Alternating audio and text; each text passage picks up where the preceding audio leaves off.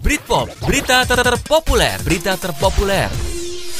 Menteri Sosial kunjungi korban gempa di Karangasem.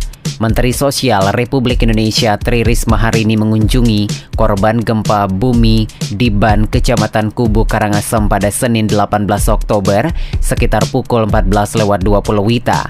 Kunjungan itu didampingi Forkompimda Karangasem dan relawan yang terlibat dalam kegiatan. Risma yang mengenakan pakaian warna putih ikut serta mendistribusikan logistik ke warga terdampak, memberikan bantuan dan juga semangat. Warga sekitar menyambut antusias mantan wali kota Surabaya tersebut, warga mengucapkan terima kasih atas bantuan dari pemerintah. Kedatangannya ke desa Ban tujuannya untuk melihat secara langsung masyarakat terdampak dan memberikan langsung bantuan logistik. Tidak hanya itu, Kementerian Sosial juga telah menurunkan tim untuk mendampingi anak-anak yang terkena dampak. Tujuannya mengembalikan kondisi psikis anak.